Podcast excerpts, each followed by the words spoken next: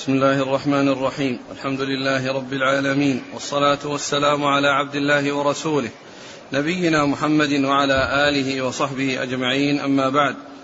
فيقول أمير المؤمنين في الحديث أبو عبد الله البخاري رحمه الله تعالى يقول في صحيحه في كتاب العلم باب قول المحدث حدثنا وأخبرنا وأنبأنا.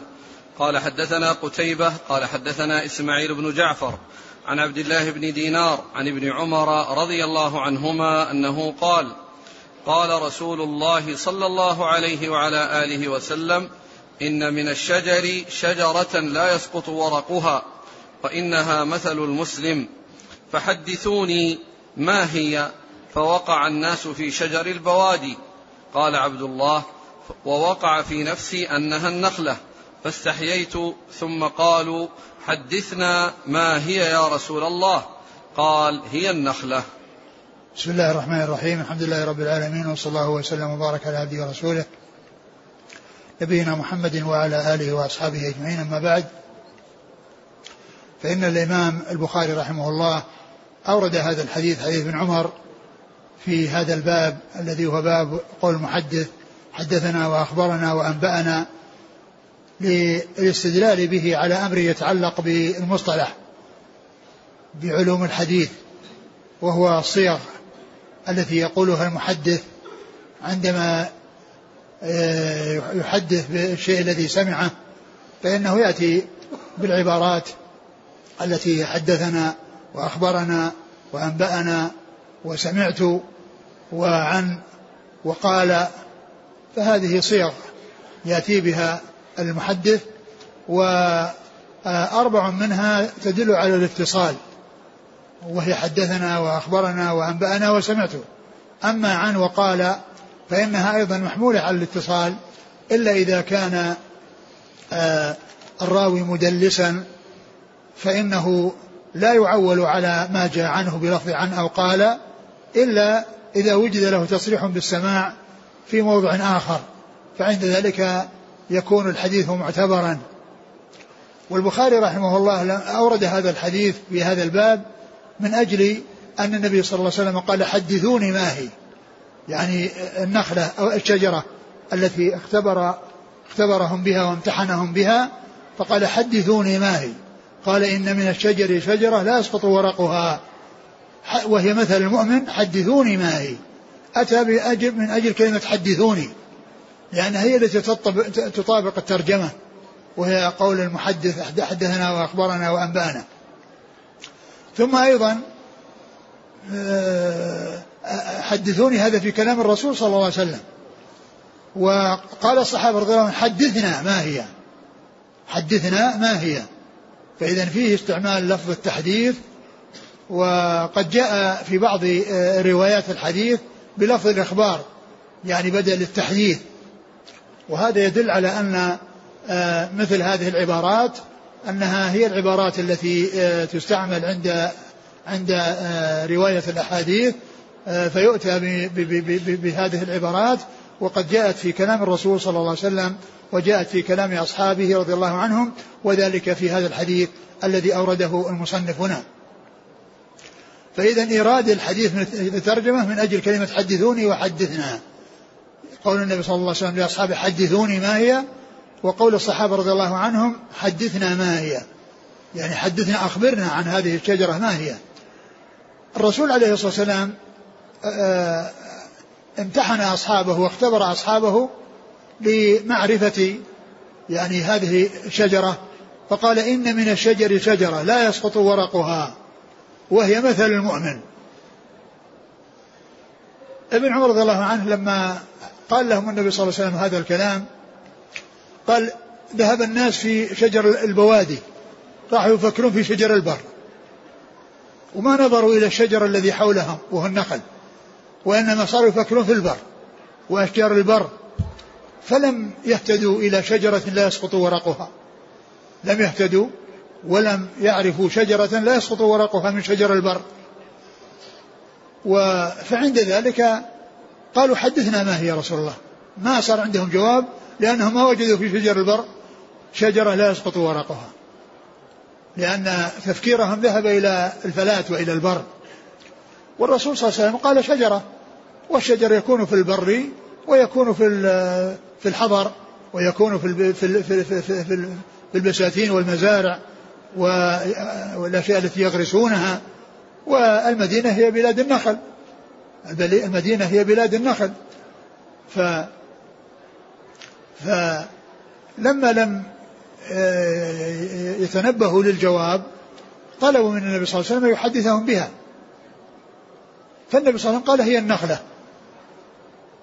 وابن عمر رضي الله عنه وقع في باله أنها النخلة. لكنه لما رأى كبار الصحابة ومنهم أبوه أبو بكر وعمر ما تحدثوا وما تكلموا في هذا أراد أن لا يتقدم بين يديهم فسكت رضي الله عنه ولكنه أخبر بذلك أباه فيما بعد فقال إنه لو يعني فعل ذلك لو أنه لكان أحب إليه من الدنيا يعني معناه أحب من حمر النعم لكان أحب إليه من حمر النعم يعني لفرح الوالد بذكاء ولده وفطنته ولكن ابن عمر رضي الله عنه استحيا وأراد أن لا يتقدم بين يدي الصحابة الذين هم منهم والده وأبو بكر رضي الله عن الجميع وهذا من كمال أدبه وحسن خلقه رضي الله تعالى عنه وأرضاه. والرسول عليه الصلاة والسلام قال إنها مثل المؤمن والمؤمن لكثرة نفعه وكثرة فوائده فإن النخلة تشبهه في كثرة الفوائد وكثرة النفع. فإن فيها الطلع الذي هو التمر الذي هو الغذاء في المدينة. وقد قال عليه الصلاة والسلام في الحديث الصحيح الذي رواه مسلم في صحيحه وغيره بيت لا تمر فيه جياع أهله فهو الغذاء. وقد جاء في بعض الأحاديث أن النبي صلى الله عليه وسلم كان يمر عليه الشهر والشهران لا يوقد في بيته نار يعني ما عندهم شيء يطبخونه لا لحم ولا شعير ولا بر ولا أي شيء يطبخ يطبخ على النار حتى ينضج. قيل فما فماذا كنتم تقتدون؟ قالت الأسود يعني التمر والماء. التمر والماء يعني معناه أنهم يأكلون التمر. والتمر غذاء. وهو يعني يغني ويقوم مقام آه، الأشياء التي تطبخ من البر ومن الشعير وغير ذلك من الحبوب وكذلك اللحم فإنه آه، يغني عن يعني آه، يمكن أن يحصل الشبع بسببه. ولهذا قال عليه الصلاة والسلام في الحديث بيت لا تمر فيه جيعا أهله لأنهم إذا ما وجدوا كان عندهم لحم ولا عندهم آه، شيء يطبخونه وما عندهم تمر جاعوا. لكن إذا كان عندهم التمر وفقدوا هذه الأشياء فإنهم لا يجوعون. فإنهم لا يجوعون لأنه غذاء. ثم أيضا هو غذاء جاهز. ما يحتاج إلى كلفة ولا يحتاج إلى أي مشقة. آه، آه، الشعير والبر والأشياء الحبوب تحتاج إلى طبخ وتحتاج إلى تهيئة وتحتاج إلى استعداد وإلى حطب وإلى شيء يوقد به. أما التمر ما فيه إلا يؤخذ ويؤكل ما في أي كلفة. فهي يعني طعام أو غذاء متيسر وغذاء يعني سهل الاستعمال لا يحتاج إلى عناء ولا يحتاج إلى مشقة. ولا يحتاج إلى استعداد وإنما يؤخذ ويتناول ويؤكل ويحصل به الغذاء ويتم به الشبع. فهي الشجرة لها شبه بالمؤمن من جهة ما فيها من الطلع الذي هو التمر وهو الغذاء الذي يغني عن المأكولات الأخرى. إذا إذا يعني آه لم توجد. ومعلوم أن قول النبي صلى الله عليه وسلم بيت لا تمر في جاع أهله يقصد به البيوت التي آه، فيها التمر والتي غذاء أهلها التمر والتي مثل المدينة. وأما البلاد التي لا تمر فيها فإنهم يشبعون وليس عندهم تمر. يشبعون وليس عندهم تمر. ولكن يعني الكلام في الحديث إنما هو خاص بالبلاد التي يوجد فيها التمر والتي غذاء أهلها التمر كالمدينة التي هي مشهورة بالتمور. ففيها الطلع. يعني الذي يتخذ يعني آه، طعاما ويدخر. ويكتات منه طول السنة والمدد الطويلة وكذلك يعني يتخذ من حبال من من حليفه الحبال ويتخذ من يعني من خوصها الفرش ويتخذ من جريدها التسقيف تسقيف السقوف. كانوا يسقفون بجريد النخل و وكذلك الكرب يعني يوقدون به. والجذوع يعني والسوق يعني كانوا يعني يقطعونها ويجعلونها آنية يعني يحفرونها وينقرونها. ولهذا جاء في الحديث الذي فيه أن النبي صلى الله عليه وسلم قال نهى عن المقير والمزفت والنقير. والنقير المقصود به جذع النخل الذي كانوا يعني آه، آآ آه، ينحتون أو يظهرون ما في وسطه من من, من, من هذا ويجعلون الغلاف الخارجي ثم ينبذون به ما يريدون من الأطعمة التي يعني يريدون أنها يحصل فيها التليين الذي يستعملونه دون أن يصل إلى حد الإسكان. فالنقير يعني كان يستعملوا جذوع النخل. وأيضا كذلك يتخذونها عمد يعني كانت البيوت يتخذونها عمد فكلها خير وبركة. وكل ما فيها يعني آه يعني يستفاد منه مثل المؤمن. يعني خيره كثير ونفعه عميم فكذلك النخلة ولهذا قال ومثلها مثل المؤمن. قال ومثلها مثل المؤمن. إن من الشجر شجرة لا يسقط ورقها لأن الخوص يعني هو ييبس العسيب وييبس الجريد وييبس الخوص الذي معه لكنه لا يسقط. ولكنه يسقط يبقى دائما وابدا إلا إذا أزيل بفعل بفعل الناس.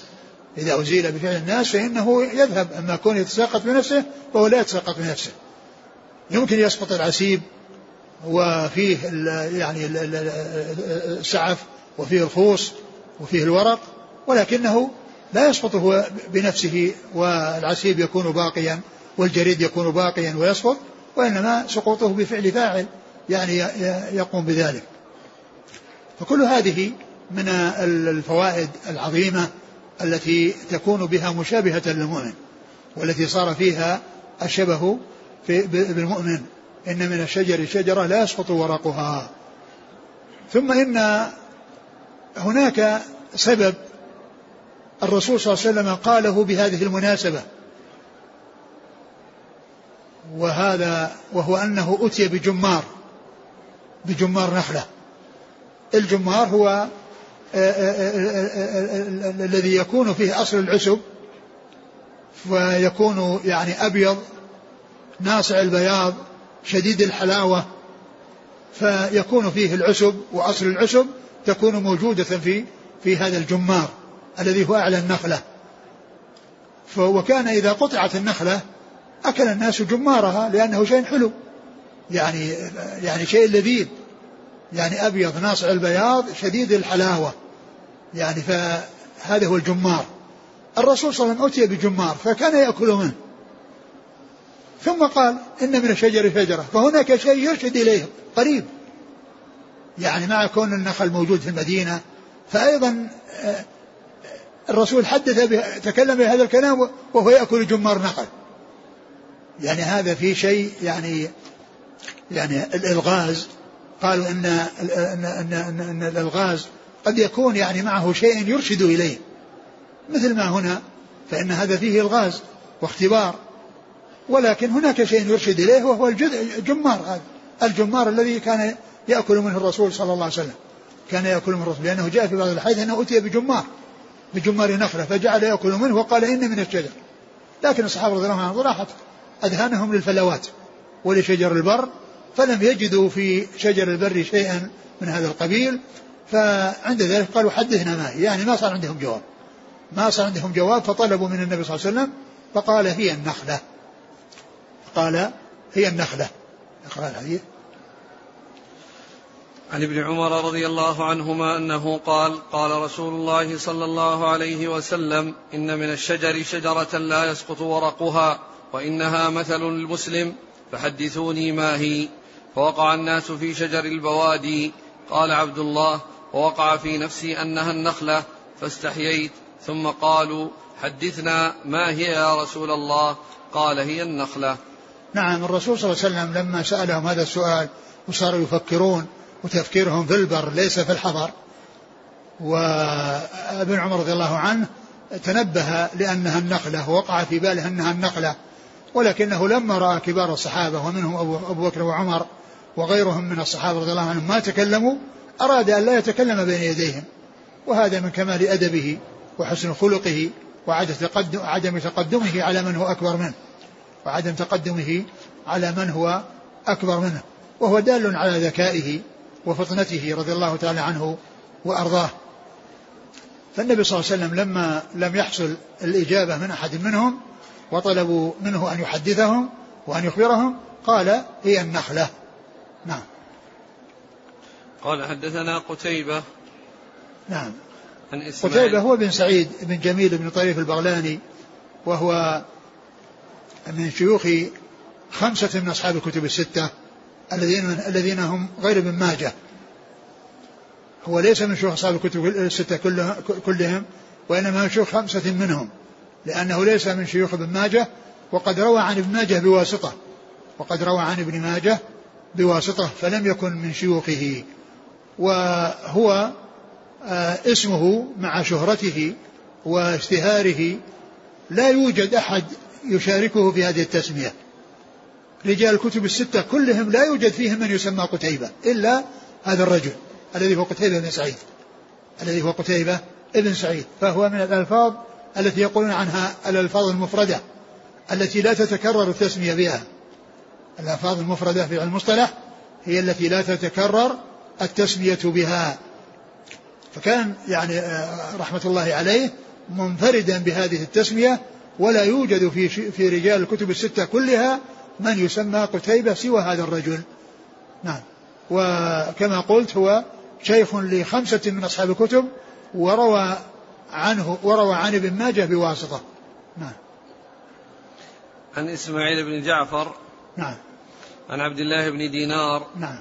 عن ابن عمر. وهذا من الأسانيد الرباعية التي يكون بين البخاري رحمه الله وبين رسول الله صلى الله عليه وسلم. فيها أربعة أشخاص وهي من الأسانيد.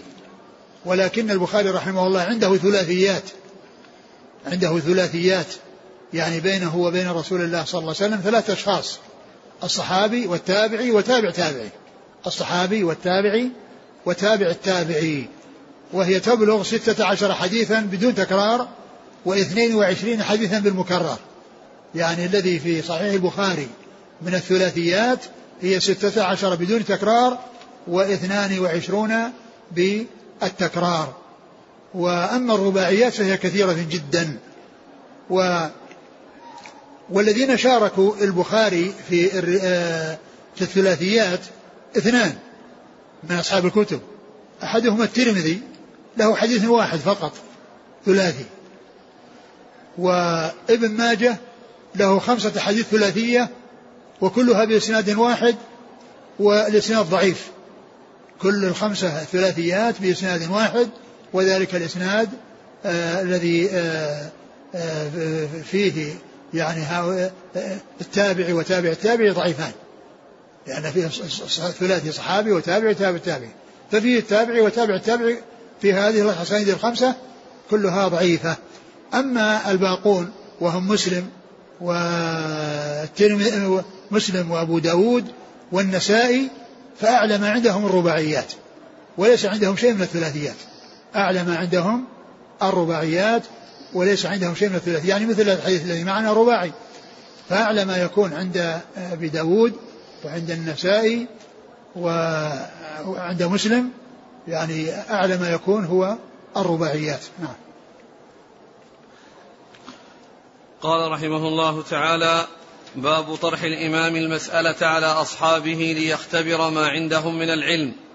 قال حدثنا خالد بن مخلد قال حدثنا سليمان قال حدثنا عبد الله بن دينار عن ابن عمر رضي الله عنهما عن النبي صلى الله عليه وعلى آله وسلم أنه قال إن من الشجر شجرة لا يسقط ورقها وإنها مثل المسلم حدثوني ما هي؟ الإسناد. قال حدثنا خالد بن مخلد قال حدثنا سليمان قال حدثنا عبد الله بن دينار عن ابن عمر رضي الله عنهما عن النبي صلى الله عليه وعلى آله وسلم أنه قال إن من الشجر شر إن من الشجر شجرة لا يسقط ورقها وإنها مثل المسلم حدثوني ما هي؟ قال فوقع الناس في شجر البوادي قال عبد الله فوقع في نفسي أنها النخلة. ثم قالوا حدثنا ما هي يا رسول الله؟ قال هي النخلة. ثم أورد الحديث أورد أورد ترجمة للحديث ولكنها تتعلق بالمعنى لأن الترجمة الأولى تتعلق بالإسناد. الترجمة الأولى أوردها في باب قول المحدث المحدث حدثنا وأخبرنا وأتى بالحديث من أجل حدثنا وحدثوني اللي جاء في الحديث من أجل الإسناد من أجل استعمال حدثنا وحدثوني وفي بعض الروايات بالأخبار يعني بدل التحديث. فالحديث الأول يتعلق بالإسناد أورده من أجل الإسناد والصيغ التي تكون في الإسناد. وأما هذا أتى به من حيث المعنى والفقه والاستنباط. وقال فقال طرح العالم المسألة على أصحابه ليختبر ما عندهم. يعني هذا هذا يتعلق بمعنى وهو الفهم والاستنباط ويعني استخراج المعاني من من الحديث. قال باب طرح العالم المسألة على أصحابه ليختبر ما عندهم. من يعني العلم. نعم. من العلم. من العلم ليختبر ما عندهم من العلم. يعرف يعرف ما عندهم من العلم. والفهم يعني الذي يستنبطونه يعني من من من من, من هذا الشيء الذي اختبرهم به رسول الله صلى الله عليه وسلم وهو قوله إن من الشجر شجرة لا يسقط ورقها وهي مثل المسلم أخبروني آه، حدثوني ما هي. آه، آه، كما قلت هذا يتعلق بالمتن ذاك يتعلق بالإسناد وهذا يتعلق بالمتن. وكانت النتيجة مثل ما عرفنا في الحديث السابق أنهم يفكرون في شجر البوادي وما حصلوا شيئا يجيبون به الرسول صلى الله عليه وسلم فعند ذلك طلبوا منه أن يحدثهم فأخبرهم عليه الصلاة والسلام بأنها النخلة. وهذا فيه الدليل دليل على ما ترجم له المصنف وهو طرح المسألة على يعني من أجل الاستنباط واستخراج ما فيها ما في المتن وفي السياق من من الفوائد ومن المعلوم أن الناس يتفاوتون في الاستخراج والاستنباط من النصوص فإن النص إذا أعطي مثلا لجماعة وطلب من كل واحد منهم أن يستنبط منه ما يشتمل عليه من الفقه فإن منهم من يستنبط الشيء الكثير ومنهم من يستنبط الشيء القليل. ولهذا الرسول عليه الصلاة والسلام قال نظر الله امرأة سمع مقالتي فوعاها وأداها كما سمعها فرب مبلغ أو عام سامع ورب حامل فقه إلا من هو أفقه منه. لأن ال ال النص الواحد آه، يتوارد عليه العدد من العلماء ويفكرون في الاستنباط منه ثم يتفاوتون في مقدار ما يستنبط. فمنهم من يستخرج المسائل الكثيرة ومنهم من لا يستخرج إلى المسائل القليلة وهذا يعني لما جعله الله في الناس من التفاوت في فيما بينهم من فيما يتعلق بفهومهم وأدراكهم ومداركهم وأن منهم من يكون عنده الفقه وعنده دقة الاستنباط ومنهم من لا يكون كذلك ولكن يكون عنده شيء من الاستنباط ولكنهم يتفاوتون فيه ليسوا على حد سواء. فهذا الحديث أو الترجمة هي من استنباط البخاري ويعني كما يقولون فقه البخاري في تراجمه. فقه البخاري في تراجمه لأن كتابه رحمه الله هو كتاب رواية ودراية. كتاب رواية بما فيه من آه، من الأسانيد والمتون وكتاب دراية لما فيه من الاستنباط وما فيه من الفقه و آه، يعني وما يفهم من النصوص وما يستخرج من النصوص. فكانت تراجمه رحمة الله عليه في غاية الدقة وهي دالة على آه، يعني فهمه وإدراكه وتمكنه من الاستنباط ويعني فهم النصوص آه، رحمة الله عليه. نعم أعد الحديث. عن ابن عمر رضي الله عنهما أن النبي صلى الله عليه وسلم قال إن من الشجر شجرة لا يسقط ورقها وإنها مثل المسلم حدثوني ما هي. قال فوقع الناس في شجر البوادي. قال عبد الله فوقع في نفسي أنها النخلة. ثم قالوا حدثنا ما هي يا رسول الله؟ قال هي النخلة. نعم. قال حدثنا خالد بن مخلد. نعم. قال حدثنا سليمان. نعم. قال حدثنا عبد الله بن دينار عن ابن عمر. آه، آه، آه، لما أورد البخاري رحمه الله هذا الحديث للاستدلال به على مسألة فقهية وتتعلق بمعنى الحديث بعد أن أورده فيما يتعلق بالاستدلال به على ال على ال الإسناد وما يتعلق بالإسناد وهي صيغة صيغ الأداء صيغ التحديث التي حدثنا وأخبرنا وأنبأنا. لم يسقه بإسناد واحد. لم يسقه بإسناد واحد وإنما جاء بإسناد آخر. يعني وإن كان متفق في أكثر الإسناد في بعض الإسناد أو في نصف الإسناد إلا أنه يختلف يعني في الإسناد الأول عن عن الإسناد الثاني.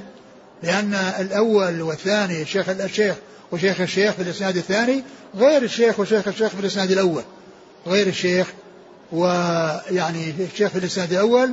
فكان من من عناية البخاري أنه إذا كرر الحديث وأورده فإنه يكون هناك فرق يعني في المتن والإسناد أو في أحدهما. ولا يأتي بالمتن والإسناد يعني متفقين في آه، أحاديث يعني بحيث يعني لا يكون هناك فرق لا في الإسناد ولا في المتن إلا في أحاديث يسيرة جدا قالوا إنها تبلغ يعني عشرين أو أربعة أو, أو, أو, أو ما يزيد على عشرين حديث أو حديثين. هذه التي جاءت مكررة بإسناد واحد ومتن واحد. وإلا فإن ما في البخاري من الأحاديث المكررة الكثيرة لا بد أن يكون هناك فرق بينها يعني في الإسناد والمتن أو في أحدهما أو في أحدهما. يعني بحيث يعني يكون الإسناد يختلف أو المتن يختلف فإذا هناك فرق و وفيه فائدة جديدة غير الفائدة الأولى التي جاءت في الحديث الحديث الأول. إما إسنادية وإما متنية. وقالوا إنه لا يكون في في الأحاديث التي تكررت يعني بإسناد واحد ومتن واحد إلا شيء يسير في حدود العشرين أو يزيد على العشرين قليلا. في حدود العشرين أو يزيد على العشرين. وقد يعني عند قراءتي لفتح الباري يعني في في فيما فيما مضى لما درست البخاري في المرة الأولى وقرأت فتح الباري وكنت يعني عندما يمر بشيء من هذا الذي فيه الاتفاق في الإسناد والمتن ويقول فيه الحافظ اتفق الإسناد والمتن فإنني أشير إلى أو أثبت هذه الأحاديث وقد بلغت عندي ما يزيد على عشرين وقد أوردتها في الفوائد المنتقاة من فتح الباري وكتب أخرى. أوردت هذه الأحاديث بالأسانيد المتكررة أو المتعددة وأنها يعني اتفق فيها الإسناد والمتن وهي قليلة جدا يعني تزيد على عشرين حديثا آه، شيئا قليلا. آه، ولهذا يعني لما ذكر البخاري رحمه الله هذا الحديث بعد الذي قبله مباشرة يعني أتى بالفرق بينهما. نعم.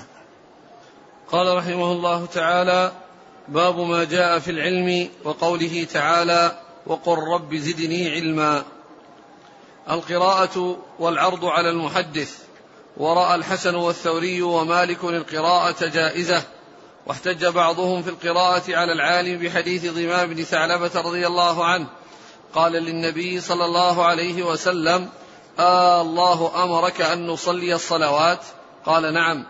قال فهذه قراءة على النبي صلى الله عليه وعلى آله وسلم. أخبر ضمام قومه بذلك فأجازوه. واحتج مالك بالصك. يقرأ على القوم فيقولون أشهدنا فلان. ويقرأ ذلك قراءة عليهم. ويقرأ على المقرئ فيقول القارئ أقرأني فلان. قال حدثنا محمد بن سلام قال حدثنا محمد بن الحسن الواسطي عن عوف عن الحسن قال لا بأس بالقراءة على العالم. وأخبرنا محمد بن يوسف الفربري وحد قال وأخبرنا محمد بن يوسف الفربري وحدثنا محمد بن إسماعيل البخاري قال حدثنا عبيد الله بن موسى عن سفيان قال إذا قرئ على المحدث فلا بأس أن يقول حدثني. قال وسمعت أبا عاصم يقول عن مالك وسفيان القراءة على العالم وقراءته سواء. ثم ذكر قال باب باب في العلم. ما جاء في العلم. باب ما جاء في العلم وقل الله عز وجل وقل رب زدني علما. ثم قال القراءة والعرض على على المحدث. على المحدث. هذه الترجمة التي هي قاله باب باب في ما جاء في العلم. وقل رب زدني علما. يعني هذا لا يوجد في النسخة التي شرح عليها الحافظ بن حجر. والباب كما جاء في شرحه قال باب القراءة والعرض على المحدث. باب القراءة والعرض على المحدث. وهذا هو الذي يطابق ما ساقه المصنف. لأن قوله ما جاء في العلم وقل ربي زدني علما هذا لا, لا علاقة له ب يعني بهذا. ولعله كان في, في نسخة ولكن الذي يطابق آه، ما سيق تحت هذا في هذا الباب هو يطابق ما يعني عند المصنف وعند الحافظ بن حجر حيث قال قوله باب باب في العرض والقراءة على المحدث باب العرض والقراءة على المحدث. ثم يعني ذكر هذه الآثار وذكر الحديث الذي يتعلق بالعرض على المحدث. وأما ما يعني جاء في العلم وقول ربي زدني علما هذا لا علاقة له يعني بهذه الترجمة. لا علاقة له في هذا الموضوع ف فالذي يناسبه ما آه، كان عند ابن حجر رحمه الله وهو الذي أشار إليه في الشرح حيث قال قوله باب. قوله باب القراءة والعرض على الشيخ. لما ذكر آه، في الباب السابق الذي قبل هذا صيغ الأداء والتحديث والإخبار والعنعنة ويعني آه، آه، الألفاظ الأخرى. بعد ذلك جاء فيما يتعلق بالعرض على الشيخ. والعرض على الشيخ هو القراءة عليه. والقراءة والعرض معناهما مؤداهما واحد إلا أن القراءة أعم. أعم من العرض. لأن العرض يقرأ شيئا عليه يعرضه يعرضه عليه ويطلب منه أن يوافق عليه حتى يعني يرويه عنه. وأما القراءة فإنها أوسع. قد تكون قراءة من أجل العرض وقد تكون لغير العرض. قد تكون قراءة لا عرض فيها وقد تكون آه يعني قراءة التي هي العرض من أجل أنه آه يروي عنه الحديث بهذه الطريقة. ولا شك أن يعني القراءة على الشيخ والعرض عليه أن هذا من طرق الرواية وأنه من الأشياء التي يكون فيها التحمل سواء الشيخ كان يتكلم ويسمعون من صوته أو أنه يقرأ عليه وهو يقره. وقد تكلم العلماء في أيهما أولى هل كون الشيخ يقرأ أو كونه يقرأ عليه؟ فمن العلماء من رجح أن أن القراءة عليه يعني أنها أولى لأن فيه يعني كون الشيخ يعني يكون مستمع للشيء الذي يقرأ عليه والشيء الذي يعني آه، آه، يتلى عليه. وبخلاف قراءته قد يحصل منه خطأ قد يحصل منه يعني شيء يعني سبق لسان أو غير ذلك. ومنهم من قال إن القراءة قراءة المحدث أنها أولى من غيرها أولى من العرض لأنه يتكلم ويسمع كلامه. ومنهم من قال إنه إذا كانت القراءة بالإملاء إذا كانت حديث الشيخ إنما هو بالإملاء فيكون أفضل من غيره وأقوى من غيره. كونه يملي عليهم إملاء. يعني بدل من كونه يتكلم ويتحدث هكذا حديث وهم يسمعون يعني كونه يملي إملاء هذا يكون أقوى. لأنه يعني يملي عليهم جملة جملة. فيكون ذلك فيه منتهى التثبت والعناية. قالوا إن هذه الطريقة هي التي تكون أولى من غيرها. ومنهم من فضل قراءة الشيخ أو حديث الشيخ وسمع صوته ومنهم من فضل العرض عليه ولكنها لا شك أنها كلها طريق طرق صحيحة ومعتبرة ويعني الرواية بها معتبرة سواء كان آه، آه، سماعا من الشيخ أو عرضا عليه. والحديث أو الترجمة هي تتعلق بهذا القسم الثاني الذي هو العرض عليه. العرض عليه والقراءة عليه. وذكر كلام العلماء يعني في ذلك والآثار التي وردت في ذلك ثم أورد الحديث الذي يدل على ذلك وهو أن ضمام بن ثعلبة الصحابي الذي جاء وكان يعلم عن أشياء سمعها عن رسول الله صلى الله عليه وسلم فكان يقول له آه الله أمرك بكذا وكذا؟ فيقول نعم. يعني فيكون آه آه هذا الكلام الذي عرضه هذا الصحابي على الرسول صلى الله عليه وسلم وأقر عليه ثم راح يحدث به يعني معناه أنه تحمله بعرضه على الرسول صلى الله عليه وسلم وموافقة النبي صلى الله عليه وسلم عليه وإقرار النبي صلى الله عليه وسلم إياه يعني على ذلك وأن هذا بعثه الله به وأن الله تعالى أمره بكذا ومن من هذه الأمور التي عرضها عليه ذلك الصحابي. هذه الترجمة كلها تتعلق بالعرض. وأن أكثر العلماء أو أن معروف عن العلماء أن ذلك كله معتبر أن ذلك كله معتبر عند أهل العلم. اقرأ الآثار. قال ورأى الحسن والثوري ومالك القراءة جائزة. هذا أوله؟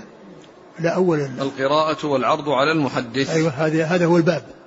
القراءة والعرض على المحدث هذا هو الأصل الذي كل ما بعده تابع له. نعم.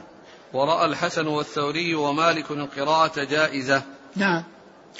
يعني هؤلاء العلماء رأوا يعني مالك والثوري والحسن رأوا أن القراءة جائزة. يعني أن القراءة قراءة التلميذ على الشيخ والشيخ يسمع ثم يروي عنه التلميذ بهذه القراءة التي هي العرض أنها جائزة لا بأس بها.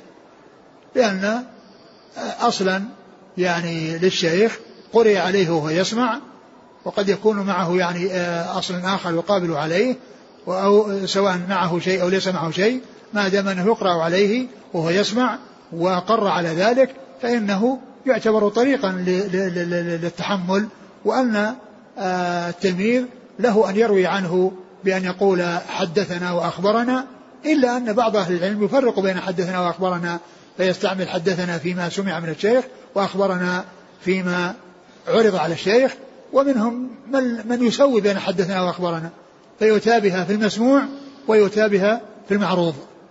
ورأى الحسن. الثوري ومالك أيوة. القراءة جائزة. جائزة. يعني قراءة التلميذ على الشيخ والتحمل بهذه الطريقة والرواية عنه بهذه الطريقة أنها جائزة أنه لا بأس بذلك. نعم. واحتج بعضهم في القراءة على العالم بحديث ضمام بن ثعلبة قال للنبي صلى الله عليه وسلم آه الله أمرك أن نصلي الصلوات.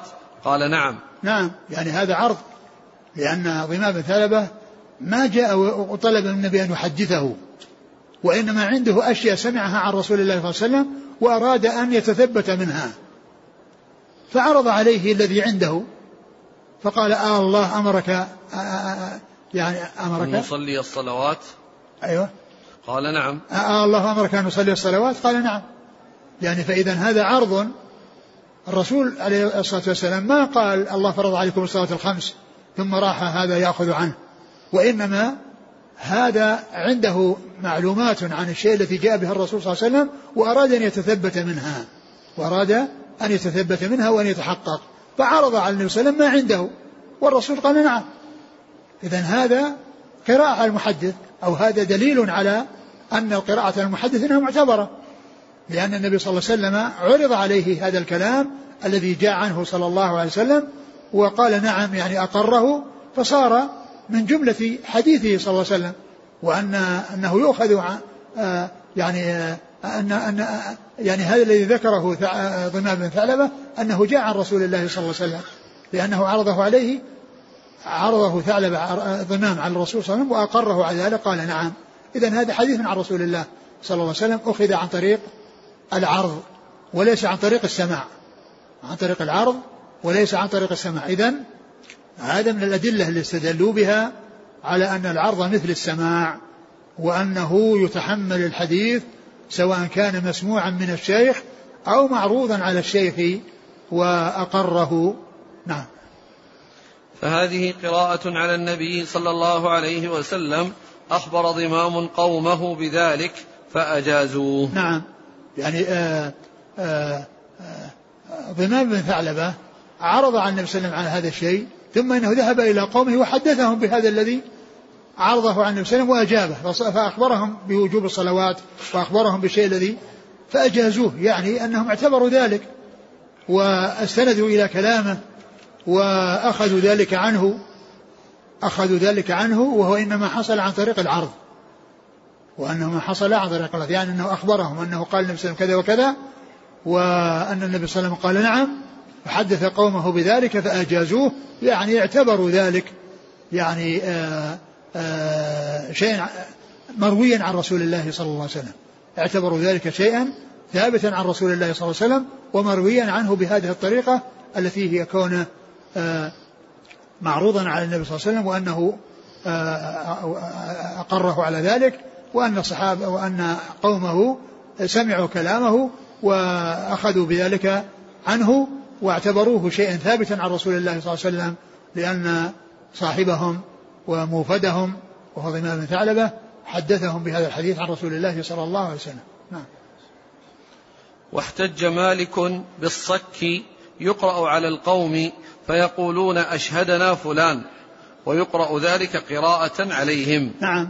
يعني الصك الصك وهو الوثيقة التي يكتب فيها يعني الشيء الذي يلتزم به فلان ثم إنه يقرأ على الشهود. يقرأ على الشهود يعني آآ آآ فيقولون نعم وهو يقر به فإنهم يشهدون بما في الصك ولا يكون ذلك مرتبطا بكونه صاحب الحق هو الذي يحدثهم. يقول عندي لفلان وكذا وكذا وكذا كذا وإنما مكتوب هذا الشيء مكتوب وقرئ وصاحب الحق يسمع وأقر على ذلك وطلب منهم أن يشهدوا فهم إنما شهدوا على شيء قرئ عليهم من شيء مكتوب عن صاحب الحق ولم ولم يسمعوا يعني هذا الكلام من صاحب الحق. من أوله إلى آخره بأن يكون مسموعا لهم منه وإنما سمعوا ما كتب سمعوا الشيء الذي كتب عنه وأقر به فهم يشهدون بأن فلان أقر بكذا مع أنهم ما سمعوا الصك نفسه من صاحب الحق. ما قال عندي فلان لفلان كذا وكذا وكذا راح يسرد عليهم الكلام ثم يشهدون وإنما قرئ عليهم الصك الذي هو أثبته وحرر بإملائه أو باعترافه وإقراره ثم إنهم شهدوا على هذا الذي سمعوه من قراءة الصك على صاحبه وهو يسمع وطلب الشهود على ما في هذا الصك فهذا يعني الإمام مالك رحمه الله استدل على صحة العرض بقراءة الصك على الشهود وهم إنما يشهدون على ما قرئ لا على ما سمعوه من لفظ صاحب الحق. نعم. ويقرأ على المقرئ فيقول القارئ أقرأني فلان. وكذلك قراءة القرآن. يعني يعني يقرأ القارئ على المقرئ ثم يقول أقرأني لأنه أقره. لأنه أقره يعني ليس المقرئ هو الذي يعني آآ آآ قرأ عليه. بل يعني القارئ قرأ عليه ثم نسب ذلك إليه قال أقرأني لأنه أقره لأنه أقره على هذه القراءة وأجاز له هذه القراءة وقال إن قراءته صحيحة وأن عمله صحيح. فإذا هذا من جنسه يعني يقرأ القارئ على المقرئ فيعني ثم يقول أقرأني فلان لأنه قرأ عليه وأقره واعتبر قراءته صحيحة. فيقول إنه أقرأني فلان. نعم. قال حدثنا محمد بن سلام قال حدثنا محمد بن الحسن الواسطي عن عوف عن الحسن قال لا بأس بالقراءة على العالم. ثم ذكر هذا الإسناد عن الحسن وقال لا بأس بالقراءة على العالم.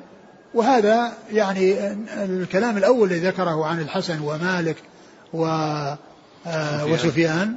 وسفيان أنه أن القراءة على الجائزة يعني ذكر هذا الإسناد إلى الحسن الذي فيه إثبات آه كون الحسن يعني يقول أن القراءة على العالم أنها جائزة وأن الأخذ آه، التحمل عنه بهذه الطريقة أنها طريقة صحيحة ذكر هذا الإسناد الحسن. ففيه يعني الذي ذكره أولا مجملا ذكره هنا مسندا. نعم. قال وأخبرنا محمد بن يوسف الفربري قال وحدثنا محمد بن إسماعيل البخاري قال حدثنا عبيد الله بن موسى عن سفيان قال إذا قرئ على المحدث فلا بأس أن تقول حدثني. ثم ذكر يعني ما يتعلق بالثوري لأنه أولا ذكر الثلاثة في الأول وقالوا إنها جائزة.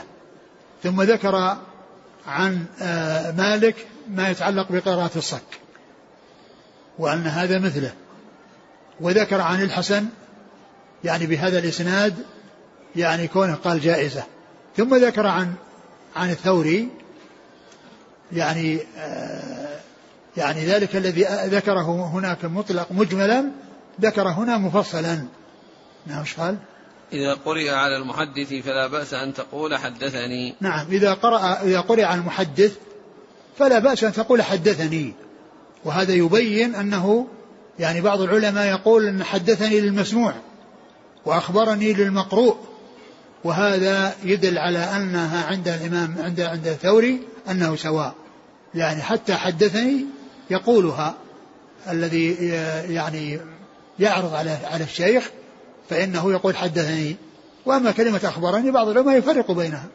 يعني يجعل المسموع لحدثني يعبر بحدثني وللمقروء يعبر بأخبرني. ومنهم من يقول إنه لا فرق أنه لا فرق وهذا اصطلاح. يعني يمكن أن يفهم.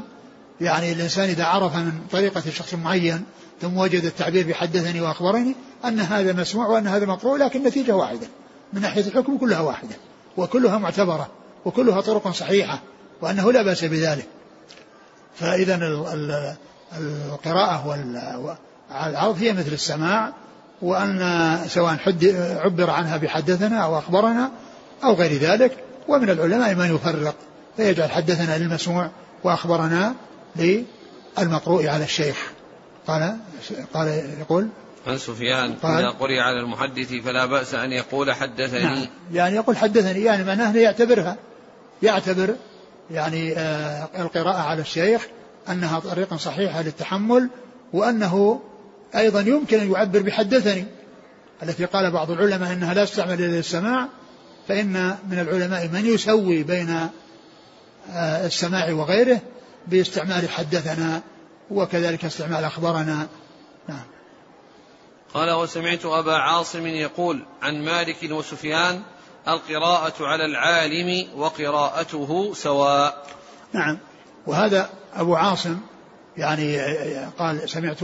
يقول عن مالك. يقول عن مالك وسفيان القراءة القراءة على العالم وقراءته نعم سواء. القراءة على العالم وقراءة العالم. يعني كون العالم يقرأ وهم يسمعون أو آه، التلميذ يقرأ والإمام والعالم يسمع والباقين يسمعون فإنها كلها سواء يعني كلها ثابتة وكلها يعبر عنها بحدثنا وأخبرنا. يعني يعبر عنها بحدثنا وأخبرنا وغير ذلك من العبارات أو أنبأنا. نعم. الإسناد قال حدثنا محمد بن سلام لا الحديث هذا الحديث. اللي بعده؟ إيه، لا أي هذا الإسناد الإسناد عن الحسن. اللي يتعلق بالحسن؟ نعم, نعم بس تجاوزه نعم. قال بعد قال حدثنا عبد الله بن يوسف قال حدثنا الليث عن سعيد هو المقبوري عن شريك بن عبد الله بن أبي نمر أنه سمع أنس بن مالك رضي الله عنه يقول بينما نحن جلوس مع النبي صلى الله عليه وعلى آله وسلم في المسجد دخل رجل على جمل فاناخه في المسجد ثم عقله ثم قال لهم أيكم محمد؟ والنبي صلى الله عليه وسلم متكئ بين ظهرانيهم. فقلنا هذا الرجل الأبيض المتكئ. فقال له الرجل ابن عبد المطلب. فقال له النبي صلى الله عليه وعلى آله وسلم قد أجبتك. فقال الرجل للنبي صلى الله عليه وسلم إني سائلك فمشدد عليك في المسألة. فلا تجد علي في نفسك. فقال سل عما بدا لك. فقال أسألك بربك ورب من قبلك. آه الله أرسلك إلى الناس كلهم. فقال اللهم نعم. قال أنشدك بالله. آه الله أمرك أن نصلي الصلوات الخمس في اليوم والليلة. قال اللهم نعم. قال أنشدك بالله. آه الله أمرك أن نصوم هذا الشهر من السنة. قال اللهم نعم. قال أنشدك بالله. آه الله أمرك أن تأخذ هذه الصدقة من أغنيائنا فتقسمها على فقرائنا. فقال النبي صلى الله عليه وسلم اللهم نعم. فقال الرجل آمنت بما جئت به وأنا رسول من ورائي من قومي وأنا ضمام بن ثعلبة أخو بني سعد بن بكر. رواه موسى وعلي بن عبد الحميد عن سليمان عن ثابت عن أنس عن النبي صلى الله عليه وعلى آله وسلم بهذا. ثم ذكر هذا الحديث الذي هو حديث ضمام بن ثعلبة الذي آه، أشار إلى أن من أهل العلم من استدل بجواز العرض واعتباره بقصة ضمام بن ثعلبة حيث إلى النبي صلى الله عليه وسلم وعرض عليه أمورا كان علمها تسند إلى رسول الله صلى الله عليه وسلم فأراد أن يتحقق منها ويتثبت فسأله هذه الأسئلة.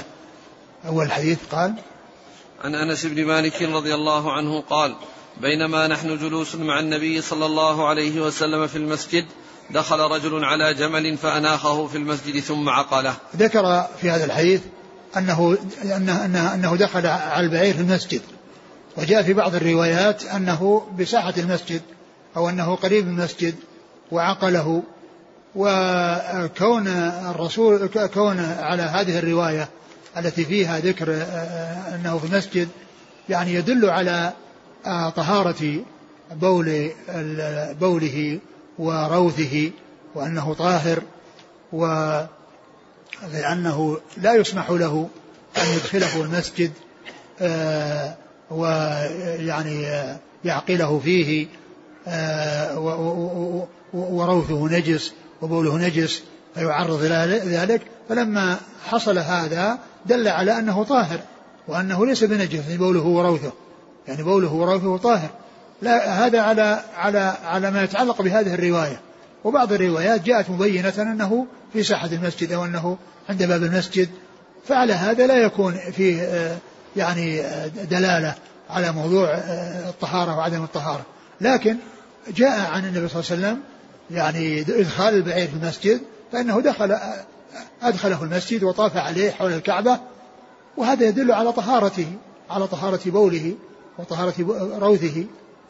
وكذلك الحديث الذي في حديث العرانيين الذي آه، فيه أن أنهم لما جاءوا إلى المدينة واجتووها وأصابهم المرض آه، آه، أمرهم بأن يذهبوا إلى أبل الصدقة وأن يشربوا من أبوالها وأرواثها.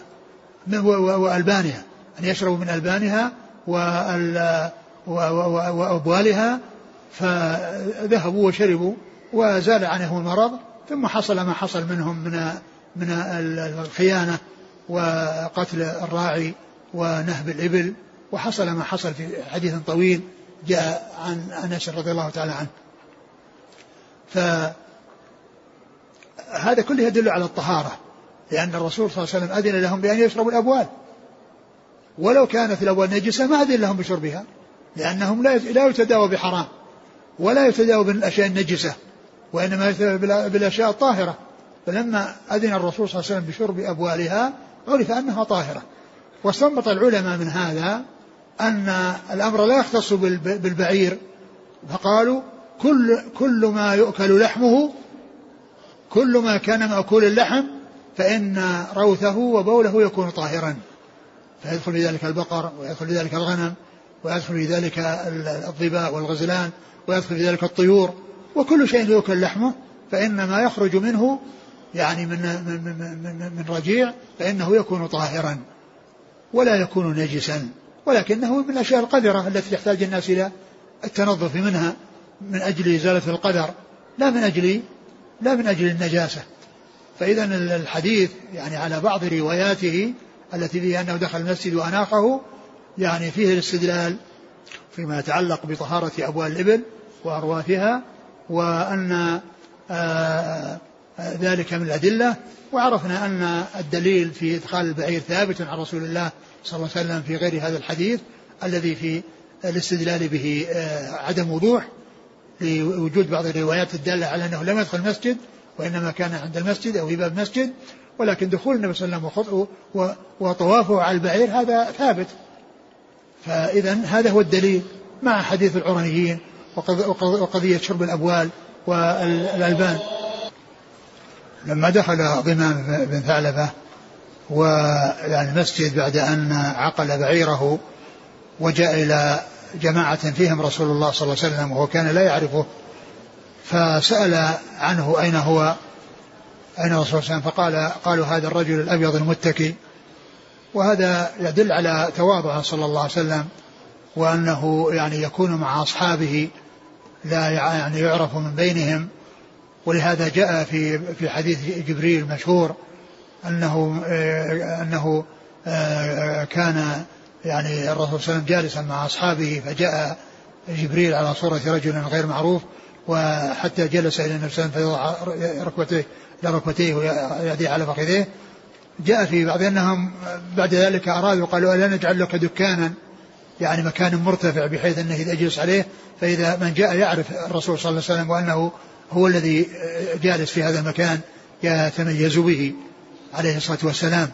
فكان يجلس مع أصحابه ولا يعرف يعني من بينهم وهذا من تواضعه صلى الله عليه وسلم فسأل عنه فقال هذا الأبيض المتكي وكان متكئا يعني معتمدا على شيء ف وهذا يدل على يعني اتكاء يعني عند العالم عند تلاميذه أن له ذلك لأن النبي صلى الله عليه وسلم كان متكئا. وقالوا هذا الأبيض والمقصود البياض المشرب بحمرة لأنه لم يكن آه، يعني بياضه خالصا يعني لا حمرة فيه فليس عليه الصلاة والسلام يعني يعني آه، آه، أبيض أو آدم وإنما كان بينهما يعني بياض مشرب بحمرة. فلم يكن آدم يعني فيه شيء من السواد ولم يكن بياضا يعني شديدا لا حمرة فيه وإنما هو بياض مشرب بحمرة كما جاء ذلك مبينا في صفة خلقته صلوات الله وسلامه وبركاته عليه. ف فيعني سأل إيش فقال فقال الرجل ابن عبد المطلب فقال يعني يخاطبه أنت ابن عبد المطلب؟ يعني ابن عبد المطلب؟ فقال قد أجبتك يعني أنه هو يعني ابن عبد المطلب وهذا في نسبة آه، النسبة إلى الجد إذا كان الجد إذا كان الجد مشهور أكثر من شهرة الأب ولهذا كان النبي صلى الله عليه وسلم مشهور بنسبته إلى عبد المطلب حيث قال أنا ابن عبد المطلب عندما يقول يعني كذا أنا ابن عبد المطلب. كما قال ذلك في بعض الحروب وبعض الغزوات فإنه قال أنا ابن عبد المطلب. فانتسب إلى جده عبد المطلب لأنه مشتهر به ونسبته إليه مشتهرة. فلهذا يعني قالوا أن فيه نسبة الرجل إلى جده إذا كان مشتهرا به أكثر من من شهرة والده. فقال أجبتك يعني أن أن أن هو ابن عبد المطلب. نعم. فقال الرجل للنبي صلى الله عليه وسلم إني سائلك فمشدد عليك في المسألة فلا تجد علي في نفسك. وهذا يعني آه، قالوا أن هذا من يعني يدل على هذه الشدة وعلى هذا الأمر لكونه من الأعراب والأعراب يكون عندهم شيء من هذه الألفاظ التي فيها شدة وفيها يعني آه، قسوة. نعم. قال إني سائلك. ومشدد عليك. فلا ومش... تجد فلا تجد يعني لا تجد في نفسك على شيء. لا تجد في نفسك على شيء يعني علي شيئا من هذا التشديد الذي يحصل مني عليك. فلا تجد يعني المقصود من الموجدة وهي الغضب أو يعني كون يصير في نفسه شيء. لأن وجد آه، متحدة في الماضي وفي المضارع ولكنها تختلف المصدر. يعني وجد يجد جدة وجودا وجدانا ويعني تتعدد المعاني بتعدد المصادر أو تأتي المعاني بتنوع المصادر وهي متفقة في الماضي والمضارع. متفقة في الماضي والمضارع. إنني مشدد عليك. إني مش فمشدد عليك في المسألة فلا تجد علي في نفسك فقال سل عما بدا لك. نعم وهذا من كمال خلقه صلى الله عليه وسلم. يعني هذا الكلام الذي قاله وفيه هذا الإشارة إلى التجديد وكون النبي صلى الله عليه وسلم يقول سل ما بدا لك سل عما شئت عما يبدو لك أن تسأل عنه سل. نعم. قال أسألك بربك ورب من قبلك آه الله أرسلك إلى الناس كلهم؟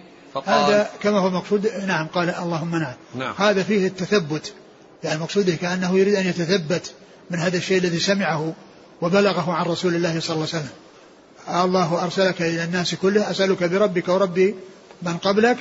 آه الله أرسلك إلى الناس كلهم. قال اللهم نعم. يعني نعم الله أرسلني. يعني هذا الكلام الذي سمعه غمام وعرضه عن النبي صلى الله عليه وسلم أقره عليه فقال نعم الله أرسلني. نعم. فقال أنشدك بالله آه الله أمرك أن نصلي الصلوات الخمس في اليوم والليلة. ثم ذكر. ثم ذكر آه، الصلاة. والزكاة والصيام.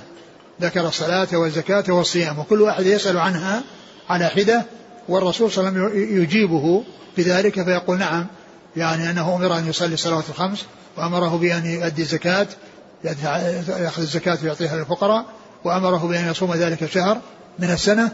فإذا كل هذا عرض من هذا الصحابي على رسول الله صلى الله عليه وسلم والنبي صلى الله عليه وسلم أقر آه، ذلك الصحابي على ذلك. ولم يذكر الحج قيل إن الحج من بعض العلماء قال إنه لم يفرض وقيل إنه يعني كان بعد فرض الحج وأنه جاء في بعض الروايات لا أدري يعني المصنف في الشرح ما أدري هل عزاها إلى إلى ذكر الحج إلى من؟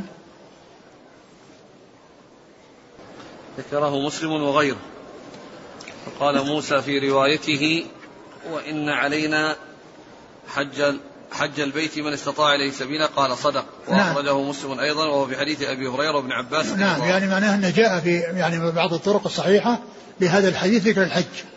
ولكنه اختصر ذكره البخاري هنا مختصرا وإنما يعني هو ثابت يعني عند مسلم وعند غيره. آه نعم. قال في آخره فقال الرجل آمنت بما جئت به وأنا رسول من ورائي من قومي وأنا ضمام بن ثعلبة أخو بني سعد بن بكر. أنا آمنت بما جئت به يعني من الرسالة ومن الصلاة ومن الزكاة ومن الصيام ومن الحج ثم أنا قال رسول قومي وأنا ضمام بن ثعلبة من بني سعد. ابن بكر. ابن بكر. انتهى؟ نعم. نعم.